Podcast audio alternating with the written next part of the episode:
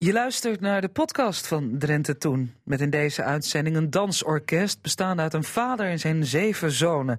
Dat orkest vervult de hoofdrol in een bijzonder historisch muziektheaterproject, Streekgenoten. Over die familie Stoppelman wil ik het vandaag hebben. De Stoppelmannen werden vooral bekend door hun familieorkest. Dat werd gevormd door een vader en zijn zeven zonen. En een kiereboe of een handsome cap. Het oudste nog rijdende koetsje van de Benelux. En koetsen zonder wielen, want dat kostte alleen maar belastinggeld. Er is veel te vertellen over de tijd dat het straatbeeld bepaald werd door koetsen. Mens, dier en techniek. En de mooiste zijn te zien in Museum Nienoord op een jubileum tentoonstelling. De directeur zit hier zo aan tafel, Geert Pruiksma. Henk Luning levert ons elke week een interessante bijdrage over de historie van Drenthe en haar levende haven.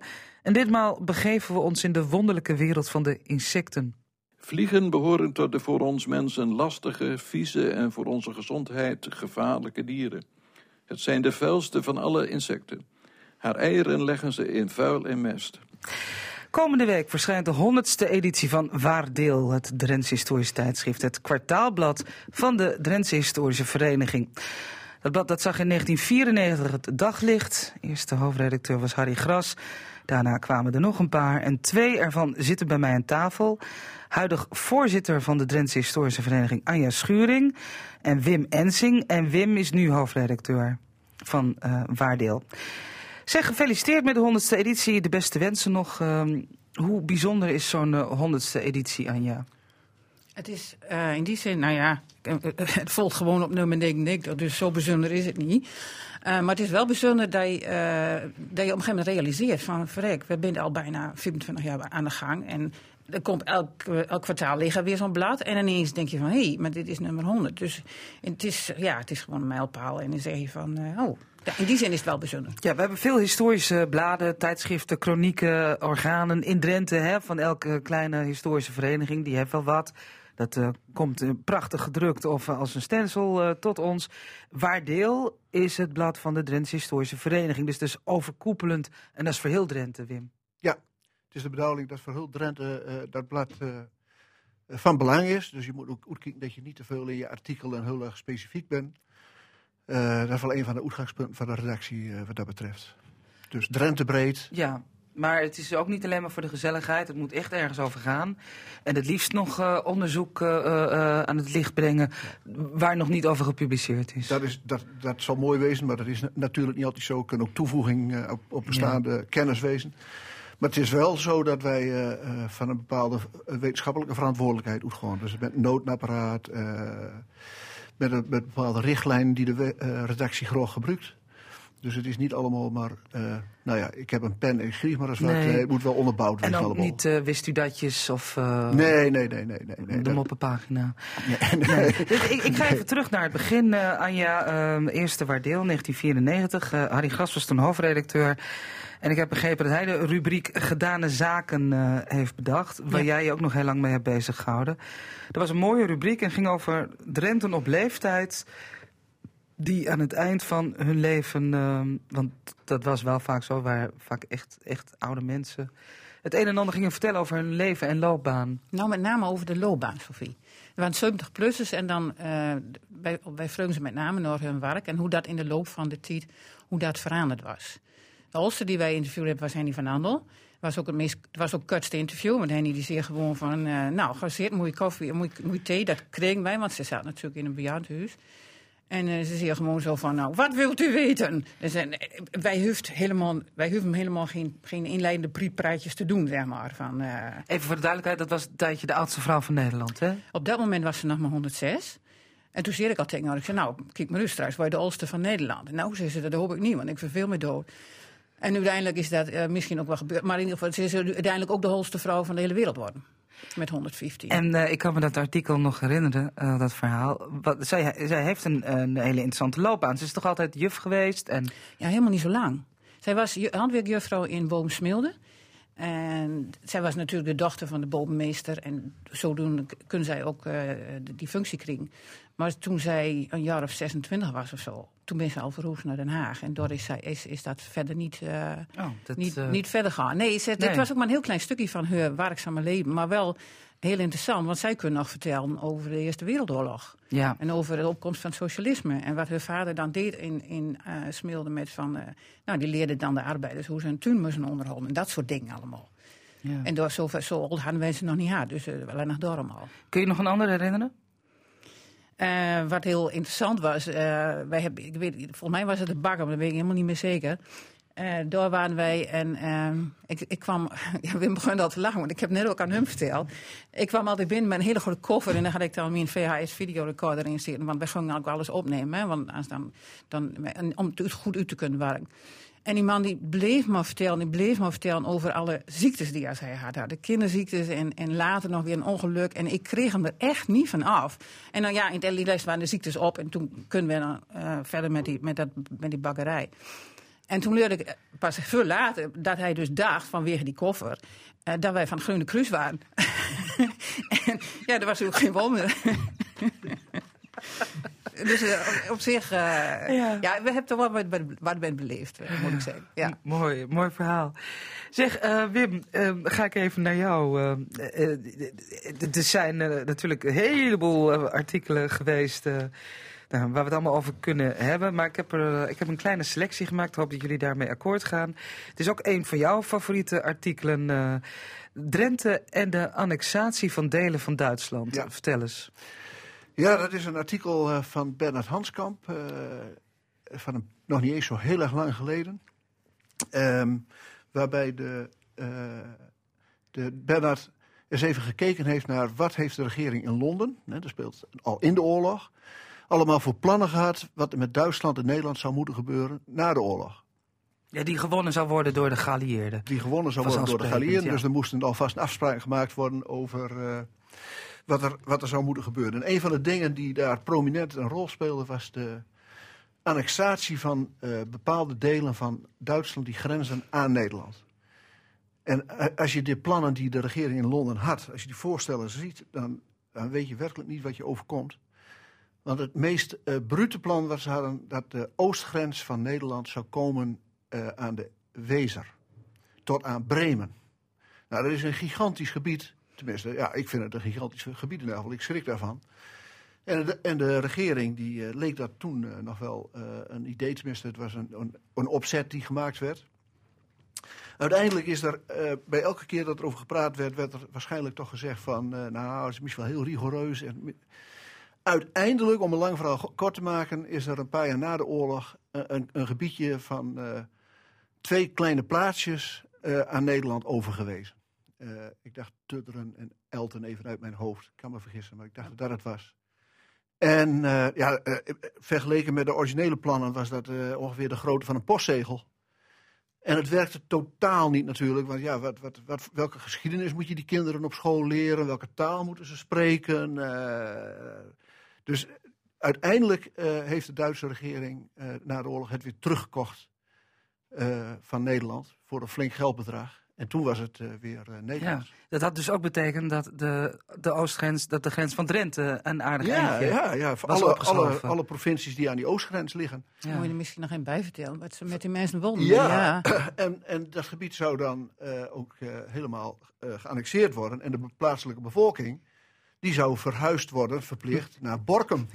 Allemaal. Ja, dat, dat, dat, dat, dat laat al zien hoe, hoe volstrekt uh, idioot die plannen waren. Als dat, ik weet niet, ik ben al een paar keer op Borkum geweest, maar geloof niet dat de hele bevolking van, uh, nee, dat denk ik ook niet. van die gebieden in Duitsland daar uh, past. Ook al nee. gaan ze hutje-mutje staan. En, en wij waren dan met ons Drentse bevolking ook opgeschoven en ja. wij daar gaan. Uh, ja, zeker. En ja, ja dat was wel, was, was, natuurlijk uit economisch oogpunt was dat wel interessant een interessant gebied.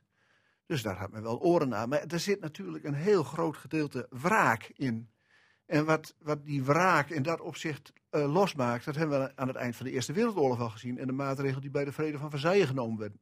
En hoe Duitsland toen ja. uh, behandeld is. Wij praten over uh, 99 edities Waardeel met oud-hoofdredacteur Anja Schuring, huidig hoofdredacteur Wim Ensing. En Anja, jij, jij zat er dus begin jaren 90 bij. 1994. Ja. Ehm, en dan, dan ging je op pad met een VHS-camera om mensen te interviewen, omdat je het dan op band had vastgelegd. Dan hadden we het op band, ja. Ja, Ja. maar je maakt ook de foto's. Ik maakte ook voor, de, voor heel veel artikelen, als dat nodig was, maakte ik de foto's. Ja, Ja. en, en eh, eh, nou, er komt straks in dit nummer dus een artikel van een aantal hoofdredacteuren. Die dus vertelt van wat vinden wij nou, hè, wat, wat voor artikel hebben wij een leuke herinnering aan. En aan een van die heb ik zelf ook een stukje geschreven over eh, een artikel over eh, de halve maandjes op het klankbord van de kansel in Eelde. Ja, dat wat misschien niet meteen bij iedereen een, eh, Nee. een beeld eh, oproept. Dat had ik toen ik voor het eerst las ook niet. Ik dacht, ja, wat moet je daar nou met? En qua illustraties was het gewoon heel lastig. Want het had misschien iets te maken met... nou ja, het was een geuzenteken misschien wel. En dan had het te maken met de islam. En dat misschien wel een gewoon religieus ding. Het, wat, eh, nou, het, het kunt met van alles te maken. Dus in de literatuur was wel wat. Maar goed, die man moesten natuurlijk wel op de foto. Dus toen ben ik er naartoe geweest. Ik denk, nou, dan maak ik gewoon van onder van een foto. Eh, ik weet niet meer hoe hoog het klankbord was. Maar dat was eigenlijk best wel heel hoog. En dan kon ik dus met mijn, mijn inzoom, eh de telelens, net niet mooi dicht genoeg bij komen. Dus toen zei de koster, ach, ik haal wel even mijn ladder op. Of zo'n hele grote trap. Nou, dus toen stond ik boom op die ladder, Sophie. eh, een meter of vier boven de grond. Ik, ik, ik, duurde mij ook niet aan het klankbord vast te griepen. Ik denk straks dan donder de hele naar beneden toe. Dus ik heb me heel goed vastgehouden aan het fototoestel. maar elke keer, elke keer als ik langs de kerk ga, daar, als ik in de buurt van Eelde ben, dan moet ik daaraan denken dat ik dus voor het waar Ja. wil, dat deed. Dat en misschien dingen. was jij wel degene, de enige mens in, in, in, in decennia of in eeuwen die zo dicht bij dat eh Ja, maar ding, die, maandjes die waren ook gewoon maar 5 centimeter groot. En, en wat, eh, nou ja, nu je er toch over begonnen bent, waar stonden die maandjes nou voor? Eh, nou, dat voor de islam, zeg maar. Dus en, het was dan een Liever soort Turks van. dan paaps. Ja, liever Turks dan paaps. Ja. Het kan ook een eh, van, van eh, een, een Pub de Vries, een, een architect. En die gebruikte dat als een soort van, nou ja, versiering. Zeg maar. Dus het, het, het kan van alles betekenen. Ja. Ik ga even naar Wim. Dankjewel, eh je hebt de halsbrekende toeren uitgehaald. Wim zat gewoon achter zijn computer blijkbaar. Misschien wel, weet ik niet. Eh, Wim, ander, eh, ja, er zijn zoveel verhalen, ik ga er maar gewoon een beetje doorheen. Is eh, de aanwezigheid van Anton Heijboer. eh, we, hebben, we hebben wel aardig wat kunstenaars in Drenthe gehad. En Anton Heijboer was daar één van? Ja, ik denk dat dat een van, een van de minder bekende verhalen is eh, over een schil- bekend schilder in Drenthe. Ehm, dat artikel is ook van een paar jaar geleden, niet zo heel erg lang geleden, van meneer Moes. Die is al overleden. Eh, en hij was gestuurd op Anton Heijboer. Die, eh dat was een groot aanhanger van, of eh, fan van Van Gogh. En Van Gogh was ook in Drenthe geweest natuurlijk, om daar te schilderen. Dus Anton Heijboer had bedacht dat hij ook naar Drenthe moest om te schilderen. En heeft hij in een atlas heeft, een oude atlas heeft hij gekeken van ja, ja waar in Drenthe, want het moet wel een beetje in een bosrijk gebied enzovoort. En toen zag hij het plaatsje Borger op de kaart staan. Toen zag hij allemaal groen omheen getekend. Dus ik dacht van nou, dat is allemaal bos. Dus toen is hij op eigenlijk een beetje op de Bonnefoy naar Borger gegaan. En, eh, en kwam daar tot de ontdekking dat dat gewoon een dorp was waar helemaal niet zoveel bos was. Maar goed, dat kwam allemaal wel goed. En hij kwam uiteindelijk in contact met eh, Hans Heiting, bekend dichter, ook schilder markant figuur. En eh, ja, die twee die, eh, die hebben elkaar gevonden. Gewoon. Die, eh, die, die, die, die, hebben echt de omgeving daar onveilig gemaakt, zo'n beetje. Met eh, eh, kroegbezoek. Alcohol speelde een grote rol voor hen in die dagen. En eh, ja, daar heeft meneer Moes een prachtig eh, artikel over geschreven. Wat, wat zeer onbekend eh, ja, was. haar, haar moek. eh, Moek, ja. Moek, ja, ik- want eh. Je had het op papier, eh, Ja. stond het met een K. Ehm Anja, ik kom nog even weer bij jou terug. Eh, wat, eh, wat ook leuk is, is eh, dat je in Waardeel leest over zaken die helemaal niet eh, nieuw zijn, maar eh, die er altijd al waren. Zo gaat het in de geschiedenis. En een daarvan betreft een loopfiets. Ja, die, die was eh, ja, 18. Ik, ik weet het jaartal niet precies. Maar eh dat was eh, meneer Ortleb die de. eh, nou, het was geen loopfiets. Het was, geen, het was een loopauto. Ja, maar ik moest er wel aan denken. eh, dat een tijdje terug was een Drent die heeft zo'n ding uitgevonden. de klopt. loopiefiets. Ja, En- Lopiefit. Of Ja. Lopiefit. Ja, En nou, dit is eigenlijk een soort. eh, dat, was, dit, dat is een lopende baan met die, Mm. met die eh Lopiefit. Maar dit was een soort van trapauto. En, en Ortleb had het idee van. nou, de- net zoals ik nou zeg, een trapauto, links, rechts, links, rechts. En dan op een of andere manier met, met stelten en zo ging dat dan in beweging. En eh, ik ben toen ook nog voor het Nationaal Archief geweest om door eh, foto's, eh, of de Ja, dia's, je, vier je- foto's je- te bekijken. Je kwam tekenings. door de octrooiaanvraag. Nou, ik kwam er niet op. Of degene- Tonko Engelsman kwam Ja. erop en die zei van, oh, dat is interessant. Dus toen heb ik daar in het archief heb ik die tekening bekeken. Nou, het is ook ontzettend leuk om te zien hoe als die man er helemaal uitwerkt heeft. En ik heb wel eens gedacht van, nou, misschien moeten we dat nog eens een keer weer proberen. Gewoon om te zien of dat überhaupt een kaas maakt. Ook gewoon, hè, we hebben nou geasfalteerde wegen. En ik, ik had die tekening toen zien. Ik denk, nou, je hoeft er maar met, met zo'n stelt in zo'n, ja, in een of andere koele in de zaadweg. En dan, dan sta je al te koekeloeken. Maar misschien dat het heden ten dagen Ja. wel een, eh, een ding is. Nou ja, dan eh, hebben we het wel over een uitvinding eh, uit, nou, pak een beet, ergens eerste helft 19e eeuw. Die, zoals gezegd, tot ons is gekomen om, door, doordat die octrooiaanvragen bestudeerd zijn. Er, kwamen, eh, er, kwamen, er kwam er één uit Zwelo. Er ligt een hele handel in Den Haag. eh. nou ja, daar kwam dan ook één uit Drenthe van, van die Pieter Ortleb dus. Ja. En hij deed ook met de allerbeste bedoelingen. Hè? Om bejaarde en zieke mensen. eh, Ja, ja, dat was het idee. ja. En dat was natuurlijk in een periode dat er geloof ik nog helemaal niet veel van dat soort voertuigen waren. Dus het was inderdaad de, nou ja, bijna de eerste auto, zeg maar. Ehm, stond in het Waardeel eh, in, de jaren, eh, of in het jaar 1998. Wim, is eh, Waardeel klaar voor de toekomst op papier? Nog een keer 100 edities? Of eh, wat denk je? Nou ja, nu, nu kijk je wel heel ver vooruit, eh, eh, Sophie. Maar Nou ja, ik denk wel- Dit jaar maken jullie vol. Maar... dit, ja, dat gaat lukken, daar ben ik van overtuigd. Nee, maar wat mij opvalt toen ik, toen ik een paar jaar geleden toetrad tot de redactie, dacht ik van, ah, kopie verzamelen zal wel het grootste probleem zijn. En ik kom erachter dat dat helemaal niet zo is. Er wordt juist heel veel onderzocht, er wordt heel veel geschreven. En ook op een, op een eh, heel goed niveau. Eh, en ja, mensen die denken vaak aan het waardeel om te publiceren, omdat het Drenthe breed is eh, Ja. natuurlijk. Dan heb je gelijk een, een 850, 900 mensen die het onder ogen krijgen. En als ik nu kijk, ehm, wij hebben, nou het volgende nummer is dus het honderdste nummer. Maar het 101ste nummer is al helemaal gevuld met een themanummer over het dienstlandelijk gebied. Dat, dat wordt ook hartstikke leuk. Nou, dat, dat is al voor een groot gedeelte klaar. En ik heb voor de, voor de daarop komende edities ja, zeker een artikel of 10, eh, 12 eh, wel in Ja. portefeuille. eh, waar wel wat aan gebeuren moet door de redactie. Maar het, het- is er wel. Ja, dat is eh, hartstikke mooi. Nou, komende week donderdag dan wordt het eh, gepresenteerd in Ando. Je kunt daarbij zijn, maar dan moet je een mailtje sturen, Anja, naar jullie. Ehm, om, om, om daar. eh, nou ja, Ja, nou, het adres heb ik zo niet bij, bij de hand. Maar dat staat natuurlijk allemaal op de site, drentsehistorischevereniging.nl. Drentse Historische Vereniging. Ja, dus nou doe dat dan vandaag even, of morgen of overmorgen. eh, dan weten wij wel waar Ja. je toe bent. Dan nog eh, iets anders belangrijks. De DHV-prijs. Die wordt traditiegetrouw bij ons in dit programma uitgereikt. Dat gaan we in maart doen, denk ik. Een datum weten we nog niet. Maar als je nou iemand wil, wil nomineren, eh wij zijn dan op verdacht dat dat ook nog maar een week of wat kan. Hè? Nou, nog precies twee weken.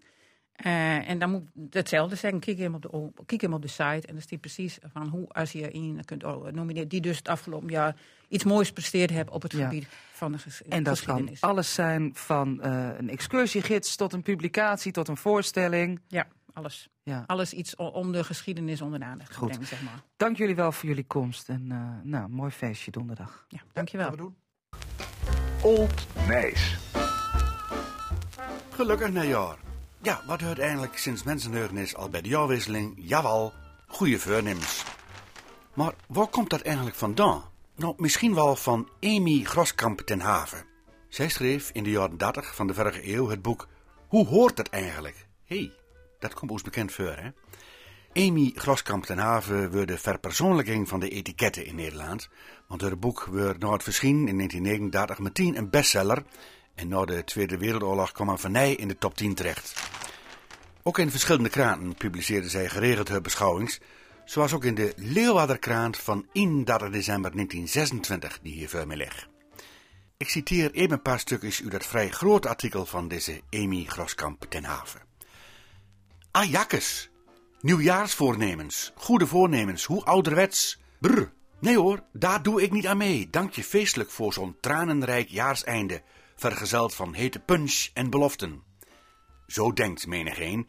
En vergeet dat nog goede voornemens, nog hete punch, mits met mate genomen, nog nimmer iemand schade hebben gedaan. De filosofen zeggen dat het iedere dag opnieuw nieuwjaar is en dat men dus verstandig zal doen met iedere dag opnieuw een aantal goede voornemens ten uitvoer te brengen.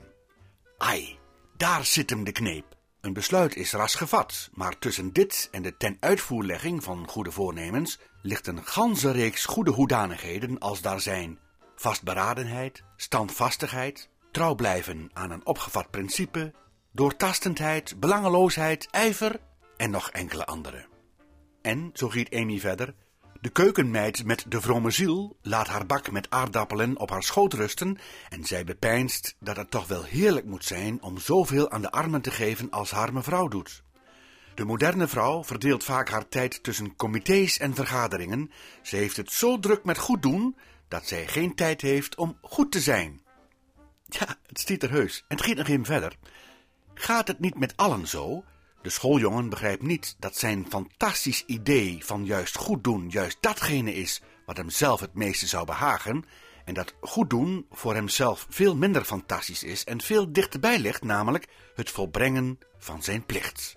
Maar dat komt niet in hem op, evenmin als het in onze keukenprinses opkomt dat zij goed doet wanneer zij haar aardappels behoorlijk schilt en ontpit. Het bakvisje droomt over wat zij zal doen en denkt er niet aan het meest voor de hand liggende maar vast te nemen, in huis een lieve, voorkomende, behulpzame dochter te zijn. Ajakkes, wat is daar nou aan? Is dat goed doen? Met uw welnemen, jonge dame? Ja, dat is goed doen. Beleerdende taal van Amy Groskamp ten Haven. En toch, zo giet zij verder, Wanneer wederom een jaar ten einde neigt, zijn wij onwillekeurig in de stemming van terugblikken en afrekenen. Weemoedig gaan wij na wat het afgelopen jaar ons ontnam en dankbaar gedenken wij wat het ons bracht aan vreugde en gewin. Het nieuwe jaar staat voor de deur. Wat zal het ons brengen? Dat is zo de gewone vraag. Maar laten wij het ditmaal eens omkeren en vragen: wat gaf ik in het afgelopen jaar en wat zal ik in het nieuwe jaar geven? Het met een onwaarschijnlijk goed menswest hebben, deze Amy Groskamp ten Haven, de etikettengoeroe in Nederland in de eerste helft van de vorige eeuw. Ik denk dat de meesten intussen al lang besloten hebt om zich voor te nemen geen goede voornemens meer te hebben, maar de laatste zin in het artikel van Amy Groskamp wil ik je toch niet onthouden. Doe wat gij doet met uw hart en streef allen voorbij.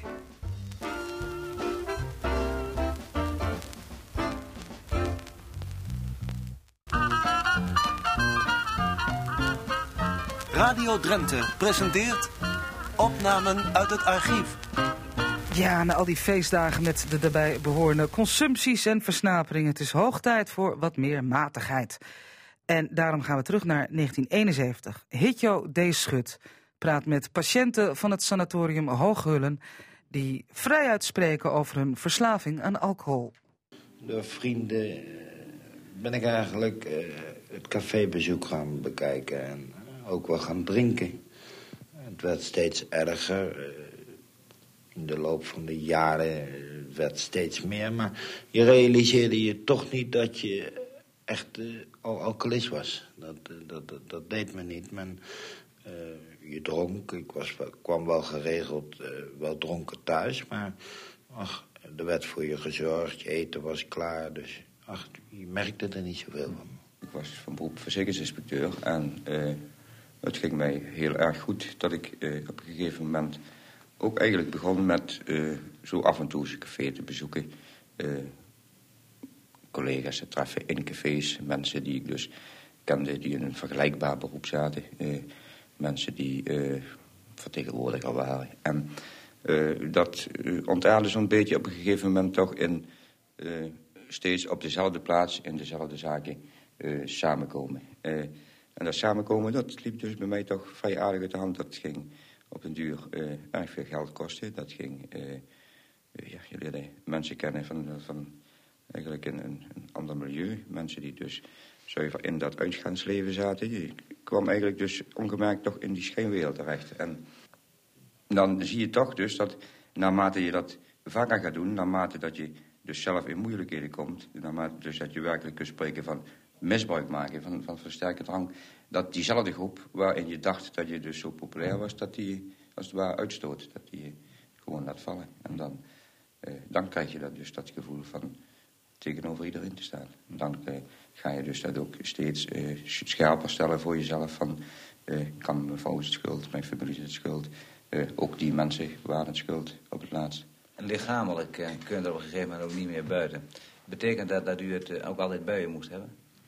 Is uw eh, privéleven kapot gegaan door de drank? Eh, aanvankelijk wel natuurlijk, maar eh, achteraf gezien niet, nee. nee. Ik geloof dat we, dat aan mijn vrouw en ik, dat we er een hele hoop door geleerd hebben. En wat dat betreft ziet u het allemaal nog wel weer goed en, en, en, en gunstig in voor de toekomst? Dat, dat zie ik heel erg gunstig, ja. Ik zie alleen dus, wat ik niet zo gunstig zie, is dus de omgeving, de maatschappij waar je op een gegeven moment eh, in weer in terecht moet. Dat zal dus nog een min of meer, eh, dacht ik, een hard gevecht worden. We gaan nu eerst naar Nienoord, want dik twee weken geleden is de jubileumtentoonstelling Een leven vol rijtuigen geopend in Museum Nienoord, net over de grens. Wat mij betreft een klein stukje Drenthe in Groningen. dat mag ik denk ik niet zo zeggen. Ja hoor. 60 jaar jong of oud, wat je maar wil. Directeur Geert Pruiksma, die zit bij ons aan tafel. Eh, Geert, fijn dat je er bent. Gelukkig nieuwjaar. Ja, wederzijds. En gefeliciteerd met eh 60 jaar eh Nienoord. Ja. Dat betekent dat jullie daar als museum, eh, als rijtuigenmuseum, nou al, al zeker drie generaties bedienen. Ja, hè? ja, en er zijn dus nog eh, van die eerste generatie nog mensen die daar rondlopen. Dus het is echt enorm leuk. Ja. Overigens, we zitten inderdaad vlak over de grens. Hè, dus vrij veel van onze vrijwilligers wonen in Roden, eh, in andere Drentse dorpen. Maar eh, we zijn 60 jaar oud en 60 jaar jong. Ja, en dat is, eh, dat is knap. Eh, het is een gekke wereld, ook voor musea. En ehm, eh, wij gaan het hebben over ja, waar het museum eigenlijk mee begonnen is, de rijtuigen. Ik zat laatst een historisch kostuumdrama te kijken op tv. En iedereen werd rondgereden in een koets. Ja, ja. En dat straatbeeld, dat is eigenlijk nog maar zo eh, Ja, ja. kort geleden. Ja, met alles wat erbij hoort. Overigens, dan zie je een, een film die in 1700 speelt met een koets uit 1850. Met een maar verkeerde dat, dat koets, zie ja. alleen ik, gelukkig. Maar denk eens aan al die paarden bijvoorbeeld en wat die achterlieten op straat. Daar zat een hele organisatie omheen om al die vergeetachtigheden, noem ik het maar, van die paarden eh, op te ruimen. Ja. Want aan het eind van de dag lagen die straten vol met paardenstrand. En daar denk je inderdaad niet aan. En Nee. de straten waren ook, nou ja, kijk hier achter me aan de Bijlenstraat. Ja, dat was ja. toen Bijlerweg, 100 jaar geleden of zo. Was ook niet zo, zo, zo breed. Nee, nee. En dat moest daar allemaal maar rondrijden met elkaar. Ja, heel weinig, want je zegt straat, maar heel weinig was bestraat. Dus een Ja, jaar of inderdaad, 200 onverhard. geleden eh, had je in het noorden nog maar 500 kilometer bestrate weg. Ja. En ook bijvoorbeeld dat ehm, wanneer je de stad in wilde of Assen in wilde, dat je ook heel vaak eh, bij de poort zeg maar uitspande. En dat je dus met je waren de, de, het centrum inging om de boel te verhandelen. Dus je had allerlei uitspanningjes rond eh, of langs de stadsmuur of de, of de gracht of wat dan ook. En dat is waar nog steeds allerlei uitspanningen zitten. Hè. Die hebben dan ook vaak van dat soort namen. Ja. En Eh, daar liet je dan je paarden achter. Ja, ja. Er is ook een mevrouw die is net overleden, woonde in Sneek, eh, had daar een hotel. Ik noem de naam uiteraard niet, hoewel die niet meer bestaat. Maar die vertelde dat ze als meisje, eh, 90 jaar geleden, als de boeren naar de markt gingen en de boerinnen hun gouden oorijzer opzetten, mooi in de pronk gingen, die, eh, die eh, spanden daaruit. En ze zei, dan moest zij als meisje haar schortje op het treeplankje van de eh, Ach. neerleggen. Want dan kon de boerin daar overheen stappen. Ach. En dan werden haar schoentjes niet vies. Nee. nou ja, je hebt het ook over een standensamenleving Ja, eh, hè, ja. eh, eh, die enorm was. Maar zoals nu ook, je hebt, je hebt goedkope auto's, je hebt Ja, dure auto's. Ik kan me voorstellen dat ook armere mensen zichzelf moesten vervoeren. En dat het dan in wat sjovelen Ja. koetsen ging. Ja, heel veel zaken zijn eigenlijk nooit anders geweest. Bijvoorbeeld dat je nu stewardessen hebt in een uniform met een hoedje op in een bepaalde kleur.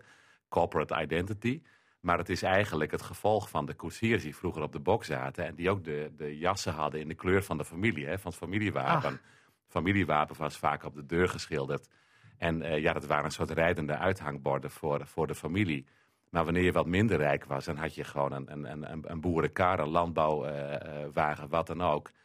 Alleen, ehm, mensen hadden wat minder afleiding dan tegenwoordig. Ze zaten niet de hele avond te appen. Dus ze gingen met hun mesjes het, het hout in. En dat zijn wel vaak karren waar prachtig eh, ambachtelijk houtsnijwerk in zit. Ja. Het is echt bezielde karren. Verder was er ook heel veel hetzelfde. Ehm, eh, er waren bijvoorbeeld... eh, je moest belasting betalen over een ja, koets. Ja, en daar heb ik een heel mooi voorbeeld van in de tentoonstelling staan. Dat is een koets die is ontdaan van zijn wielen. Want toen eh, waren er in Amsterdam, ineens, in de Gouden Eeuw was dat trouwens, waren er zoveel mensen die een koets konden kopen dat het nogal druk werd op de kades. Inrichtingsverkeer is toen ook overigens ontwikkeld, in de 18e eeuw al. Ook in Groningen bijvoorbeeld. Maar toen werd er een belasting geheven op de eh, wielen. En wat deed men? Men, zet- men haalde de wielen eraf. Ze zetten ze op een soort glijders neer. En die koetsen die werden dus door het paard over de straat getrokken. werden sleepkoets genoemd. Nou, dat moet een enorm kabaal Ja. hebben gegeven. Maar ehm, eh, ze, ze had ook nog een oplossing voor het stroeven eh, ge- eh, gekras op straat. Dus ze werden, die glijders werden ingesmeerd met reuzel, varkensvet. en dat deden ze met een zogenaamde smeerlap.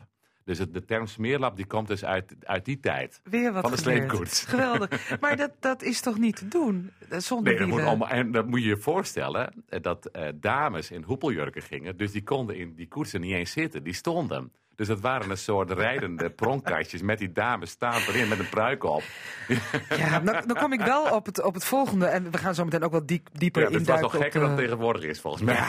Eh, de, de koets is natuurlijk ook een, een, een wereldwijd fenomeen. Eh, Ja. ik, ik zag laatst mooie eh, Chinese draagkoetsen Ja, in. Londen in het museum. Eh, ehm, de koets komen overal tegen. Ja, ja.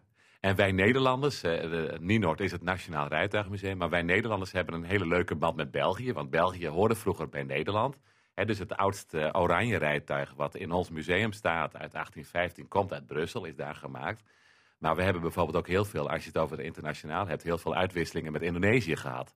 En de sultans daar, die bestelden hun rijtuig in Den Haag. Dus Hermans in Den Haag bouwde de rijtuigen voor de sultans. En die reden daar net zoals hier met paarden? Of waar Ja, dat, ja eh, dat wel, zo Europees mogelijk. Alleen de, de, de, de Indonesiërs die zagen daar een soort rijdende ja, orakels of altaarstukken in, waar dan de sultan in plaats nam, rijdende tronen. Dus de koetsen daar hebben een, een bijna ja, spirituele lading. En die worden daar door de bevolking totaal anders behandeld dan, eh, dan de stukken die wij hier nog hebben staan. ja, met meer toewijding? Of... Ja, ja, ja, het zijn heilige voorwerpen. Ja. die, die in een tempel thuis horen eigenlijk. Mooi om te horen hoe, hoeveel lagen zo'n koets kan hebben. Want Ja. verder was het natuurlijk ook gewoon eh, noodzakelijk eh, om de samenleving draaiende te houden. Postkoetsen en, Ja. en, en een koets om, om te transporteren. Ja, ja eh, po- eh, postkoets. Eh, er was een familie, het bestaat nog steeds. eh, die heet het Thun und Taxis. Woonde in Regensburg, in een heel mooi groot huis, 500 kamers. En eh, die hadden vroeger het alleenrecht op het vervoer van post over de Alpen. En daar komt het woord taxi vandaan, van de familie Thun und Taxis. Ja, geweldig. Dus, en dat, daar ging het inderdaad om vervoer. Eh, overigens, eh, het meeste vervoer in Nederland ging altijd over het water. Hè. We hadden eh, kanalen, rivieren, stromen genoeg. Dus het rijtuig komt hier wat later, later, op dan in de, Ja. later dan in de rest van Europa. Wij eh, we gaan zo meteen praten over eh, de collectie eh, op Nienoord. Maar even gewoon om, om daar een beeld bij te krijgen. Het lijkt me heel oncomfortabel. In een koets zitten. Ja, met Nou, zes man. Ja. En dan naar Groningen of ja, zo. nou als je nou een eigen koets hebt, dan kun je tenminste je eigen gezelschap kiezen. En als je in een postkoets gaat zitten of zoiets, dan moet je maar afwachten met wie in de Kuip terechtkomt. Overigens, het woord Kuip komt ook uit de koetsenwereld. Smeerlap, taxi, kuip, wat leren we veel vanmiddag. Wij praten over Nienoord. eh, ja, ja, ik moet het toch even noemen, daar hebben we het gehad. De Schelpengrot. Ja, ja. Is ja. er nog? Ik vind dat zo bijzonder. Ja, eh, een van de drie in ons land, geloof ik. En weet je wat ik eh, daarvan vind als ik er zelf naar binnen stap? Het is dus een ruimte die rond 1700 met schelpen bekleed is, uit de hele wereld. De opdrachtgever Anne van Eeuwsen wilde haar bereisdheid, haar belezenheid laten zien. Hè, haar, haar collectie tonen, dus ook exotische schelpen. Maar als ik dan nu naar binnen stap, dan denk ik eigenlijk is dat een voorloper geweest van virtual reality. Want je stapt namelijk eh, de wereld onder de waterspiegel in als je die ruimte ingaat. Ja. En eh, de meeste mensen konden in die tijd helemaal niet zwemmen. Dus die hadden nooit hun kop onder water gehad, überhaupt. En het was alsof je daar in een, zee- een wereld van zeemeerminnen en zo stapte. Ik weet dat ik dat als kind, toen we daar op schoolreisje waren, en, nou, dat ik daarvan onder de indruk Ja, was. heel veel nog steeds. En wanneer Ja. kwam jij er voor het eerst, Geert? Ehm, nou, de eerste keren herinner ik me niet. Maar, eh, want ik ben er met mijn ouders vroeger natuurlijk wel geweest. Maar eh, als student kwam ik daar. En een erelid van een culturele studentenvereniging, eh, Jaap Stientra, was een van de oprichters van het Rijtuigmuseum geweest. En het Rijtuigmuseum was ook deels voortgekomen uit de studentenpopulatie. Want om een almanak-uitreiking of een, eh, een optocht bij een jubileum of wat dan ook maar luister bij te zetten, eh, gebruikten ze altijd rijtuigen. En ze kwamen erachter dat de ene ja, borgheer eh, zijn borg verkocht. En er kwam een museumcafé in het koetshuis. En een herenboer kocht een trekker en weet ik veel. Dus dat ging allemaal de, de gracht in Ja. op de schroothoop Ja. op. En eh, toen zijn ze maar gaan aankopen. Zo van, ja, als we willen blijven rijden, moeten we ze zelf maar kopen. Zijn ze naar boeldagen gegaan. In de jaren 50 was dat. En daar werden heel veel koetsen opgekocht, maar vanwege het metaal. Tijdens de wederopbouw. Grote materiaalschaarste. En ze kwamen erachter dat de meest eh, bijzondere stukken gewoon eh, werden opgekocht. en die werden buiten de, de, de, ja, de hal, zeg maar, in de berm gewoon in de, in de fik gestoken. En het metaal ging mee en het hout dat, dat gloeide gewoon na in de berm. Ja, ja maar ja, dat, dat, hè, nu denken wij, hoe konden ze? Maar Ja. die periode werd natuurlijk anders over gedacht. Ja, ja. En ik heb begrepen dat de redding voor heel veel koetsen het fenomeen trouwkoets is eh, Ja, geweest. ja, ja, ja, en dat is ook een vrij jonge traditie. Want een, eh, een belangrijk moment in je leven, luisteren, bijzetten met iets als een koets. Dat kan pas als een koets niet meer in het straatbeeld eh, te zien is. Hè? Dus, eh, dus toen de koetsen nog algemeen gebruikt werden, eh, gebruikte je geen koetsen meer te trouwen. Want iedereen zat de hele dag al in een koets. Maar toen zijn ze oude koetsjes gaan, gaan wit, eh, wit gaan schilderen. En de bruidjes die gingen ook in het wit. En nou, daar moest een wit koetsje bij. En er wordt over Nienoord wel eens gezegd van... God, het zou mooi wezen als er daar dus wat vaker een koets weer reed. Hè? Dat niet al die koetsen in het museum staan. Ja. Maar dat ze ook de straat opkomen, aangespannen en wel. Maar dan zeg ik van, nou, we hebben 60, rij- eh, 60 huwelijken per jaar bij ons... en die komen allemaal in de koets. Wit geschilderde koetsjes, ja. Ja, ja, mooi is dat. Eh, arresleden, niet vergeten, Ja, die hebben ja, jullie ook. Tientallen zelfs, ja. Want, maar was dat nou meer decoratie? Of Ja. werden die echt gebruikt? Nee, toch wel meer voor het plezier. Want in de winter lag de landbouw en de akkerbouw stil. Eh, dan werd er aan hand, huiswerk handwerk gedaan, moet ik zeggen. En bij mooi weer gingen mensen het sneeuw of ijs op. Dus dat, dat zijn over het algemeen echt wel pronkstukken. Ja. En heel veel mensen hadden ook wel zo'n sleetje. Er was altijd wel een oom die mooi kon snijden. Een eh, buurman die goed kon schilderen. Dus er zijn honderden van die, in Friesland bijvoorbeeld zijn nog een stuk of 500 van die sleden in particulier bezit. Dus Ja. heel veel boertjes en arbeiders moeten toch wel zo'n sleetje hebben gehad. Nooit al te groot, want in de zomer moest je door het trapgat wel naar de zolder kunnen. Dus ze zijn vaak relatief klein. En ehm, eh, het, het, ja, daar gingen ze dus mee eh, het ijs op. En met eh, belletjes natuurlijk, want een koets hoor je altijd aankomen. Maar een, sneeuw, een, een slee in de sneeuw niet, hè? En als het wat schemerig is, dan moet je zo'n ding wel kunnen horen. Dus vandaar die belletjes. Ik hoorde Salvera's al. eh, Ja. ergens. Mag wel. We draaien het niet trouwens. Ja, Eh, jammer. eh, ju- ju- nou, misschien een andere keer. Jubileum tentoonstelling, Geert. Ja. Ehm, wordt er nog iets bijzonders gedaan, iets extra's? Nou, we zijn van plan. De data zijn al geprikt en al wat sprekers benaderd. Maar op de zondagmiddag af en toe een interessant iemand aan het woord te laten. Oh, en dat kan iemand zijn die nog bij de, eh, een verzamelaar, een restaurateur, een koetsier, wat dan ook. Ja. Zetten we binnenkort op de website. En, eh, want dat moeten we nog even noemen. Jullie hebben de, koetsen, de sleden, maar ook alles wat daarbij hoort. Ja, hè? De, ja. de, de, de, de, accessoires, Ja. weet ik veel hoe je dat moet noemen. Ja, en weet je, ik denk wel eens van, eh waren wij maar een porseleinmuseum? Want het is allemaal spul wat, afha- ja, hoe moet ik zeggen, klimaatafhankelijk is. Hout, leer, Ja. zijde, wol, katoen, noem het allemaal maar op. Dus het hoeft maar een beetje vochtig te wezen, een beetje droog te wezen, een beetje warm te worden. En het ene trekt weer eh, krom of het andere trekt weer recht. Maar hoe ga je daarmee om? Dat lijkt me funest. Heel eh. veel vrijwilligers. Eén iemand die bijvoorbeeld al het leer altijd soepel houdt. Ja. Nou, we hebben tuigage met, met zilver erop. Nou, van zilver weet je, het gaat zwart uitslaan. Als je, Ja. als je te vaak poetst, dan slijt het. Dus daar moeten we vreselijk voorzichtig mee zijn. Ja. En we hebben in onze tuigenkamer bijvoorbeeld 20.000 voorwerpen alleen al. Dus eh, ja. Echt de moeite waard om daar een keer heen te gaan Ja. als je daar niet eerder bent geweest. Ehm, heb je nog persoonlijke favorieten? Nou, wat ik, eh, ja, die sleepkoets vind ik wel heel grappig. En er zijn een paar rijtuigen die ik gewoon heel mooi vind om naar te kijken. Maar we hebben ook een rijtuig dat is van de Duitse keizer geweest. Een gala-koets. Komt uit Potsdam. En ehm, eh, die stond ooit op de kaart in Rotterdam om naar een of andere Amerikaanse miljonair te gaan. En toen hebben die oprichters van het Rijtuigenmuseum ook gezegd van nee, dat ding moet in Nederland blijven. Ministerie gebeld van hou dat tegen. En die is in het Rijtuigenmuseum terechtgekomen. Eh, uit Potsdam dus, 1850 ongeveer. En eh, de Hohenzollerners, die er nog wel eens naar komen kijken, was zijn overgrootouders in die koets zaten. Die, eh, ja, die zeggen dat dus, de bekleding van de banken dezelfde is als die van de stoelen in Sanssouci. dat is heel gek.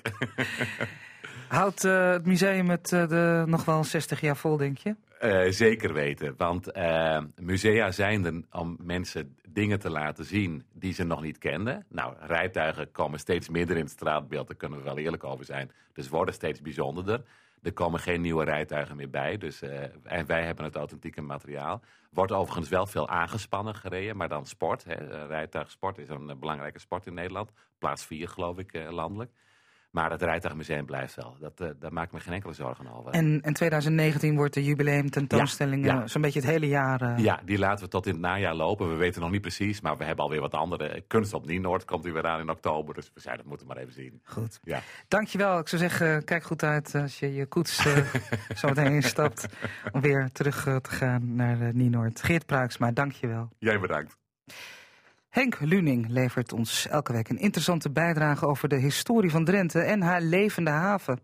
Ditmaal vond hij een interessante folder die in het jaar 1915 in onze provincie verspreid werd door de Provinciale Gezondheidscommissie, die kennelijk niet helemaal gerust was op de hygiëne van de Drent. Nou ja, de, de Gezondheidscommissie maakte zich wel zorgen over de, de Drenten, maar over het algemeen leefden ze toch wel uh, tamelijk gezond. Maar ze bleven niet gespaard voor besmettelijke ziekten. En dat verweet men dus toch uh, een beetje de muggen. En de gezondheidscommissie die schreef dan ook uh, een, een, folder naar de gemeentebesturen... om die dus aan te plakken of rond te laten gaan. men kon foldertjes kopen... Alleen dat, dat deden de gemeenten niet, want men hield de, hand op de knip, zeg maar. Dus men plakte het aan aan het gemeentehuis. En dan hadden ze dus aan uh, de voorwaarden van de commissie voldaan. Maar daar stond dus op een ernstig woord van waarschuwing voor ieder die prijs stelt op zijn gezondheid. Nou, dat, uh, dat nodigde uit tot lezen natuurlijk. En dan schreef de, de commissie. Vliegen behoren tot de voor ons mensen lastige, vieze en voor onze gezondheid gevaarlijke dieren. Het zijn de vuilste van alle insecten. Haar eieren leggen ze in vuil en mest. Uit die eieren sluipen maden die op haar beurt in en van vuil en afvalstoffen leven. Nou ja, eh, allerlei waarschuwingen. Eh, de ziektekiemen eh, die vliegen je om de oren. En uh, ze zijn zo gulzig dat ze haar veelal besmette lichaamsinhoud op de begeerde lekkernijen uitwerpen om zich opnieuw te goed te kunnen doen. Gij loopt dus alle kans dat de vuile, ziekteverwekkende stoffen op uw voedsel terechtkomen en gij ze tegelijk daarmee inslikt. Dat is echt wel een uh, tekst waar je even... Uh, uh, ja, daar, dat... de rillingen van krijgt. Daar word je een beetje bang van. Ja, even kijken hoor. Ja. Met, met vers vuil en ziektekiemen gehaald op de mesthoop uit Kwispendorp ja. privaat... of een rottend kadaver aan haar poten of op haar lichaam... vliegen ze uw keuken binnen. Ja. Nou, dat moet toch de gemiddelde nee, huisvrouw... Nee, maar er worden dan dus aanbevelingen gedaan om mest- en vuilnishopen... die zo ver mogelijk van de huizen verwijderd te laten. Uh, men wil de mesthopen begoten hebben met kalkmelk, een deel gebluste kalk en drie delen water. Of met een mengsel van petroleum, residu of paraffineolie.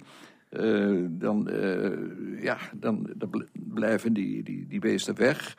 En je kan jezelf ook nog met insmeren, bijvoorbeeld met het zeer bitter smakende Surinaamse quasiboomhout.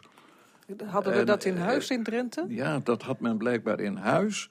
Kwassiehout, dat is een houtachtige plant en die is ontdekt door meneer Kwassie. Ja, dat moet, daar kom je ook pas uh, later achter. Maar uh, die heeft ons ontdekt dat uh, een aftreksel van het kwassiehout... dat jaagt de vliegen weg. Dan komen ze niet op je lichaam zitten. je rookt dan natuurlijk wel naar kwassiehout. Ja. Dat is natuurlijk het nadeel. Maar er zijn nog tegenwoordig middeltjes tegen vliegen en bijen en zo.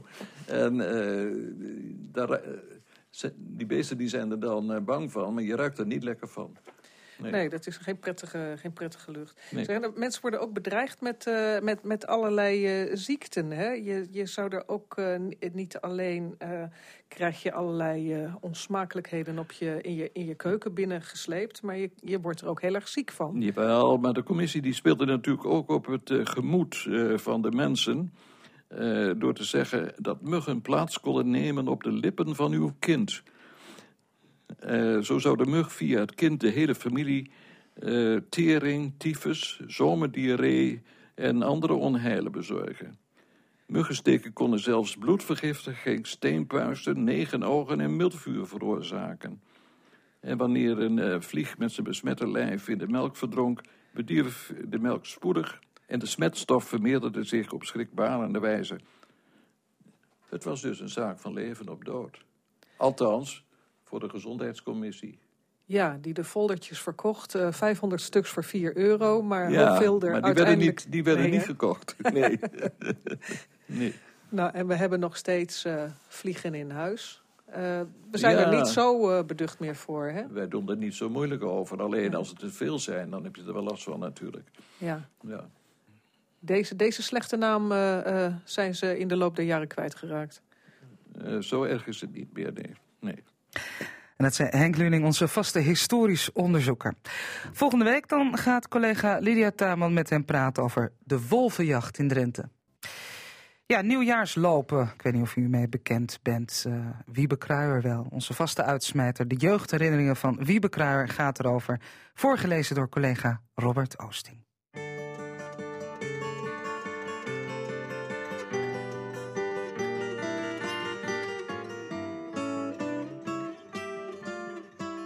Het nieuwjaarlopen was tot vlak na de oorlog in heel de Wolde nog een traditie en dus de gewoonste zaak van de wereld. De mannen gingen dan de buurt langs om iedereen een gelukkig en voorspoedig nieuwjaar toe te wensen.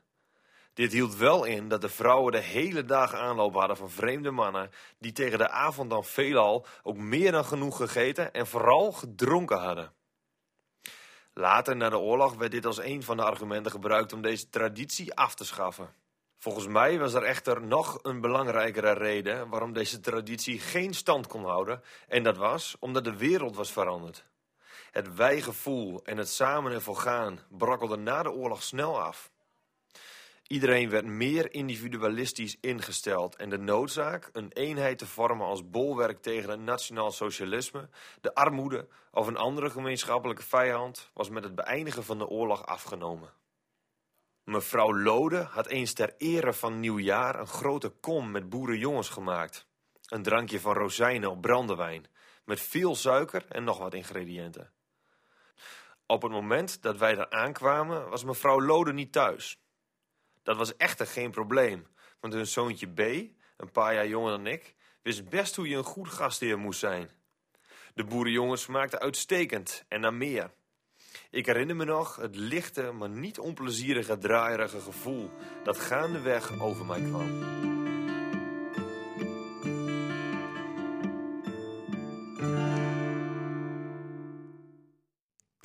Je luisterde naar de podcast van Drenthe Toen. Dankjewel. Luister ook eens naar onze andere podcasts. Van Radio Westerbork bijvoorbeeld.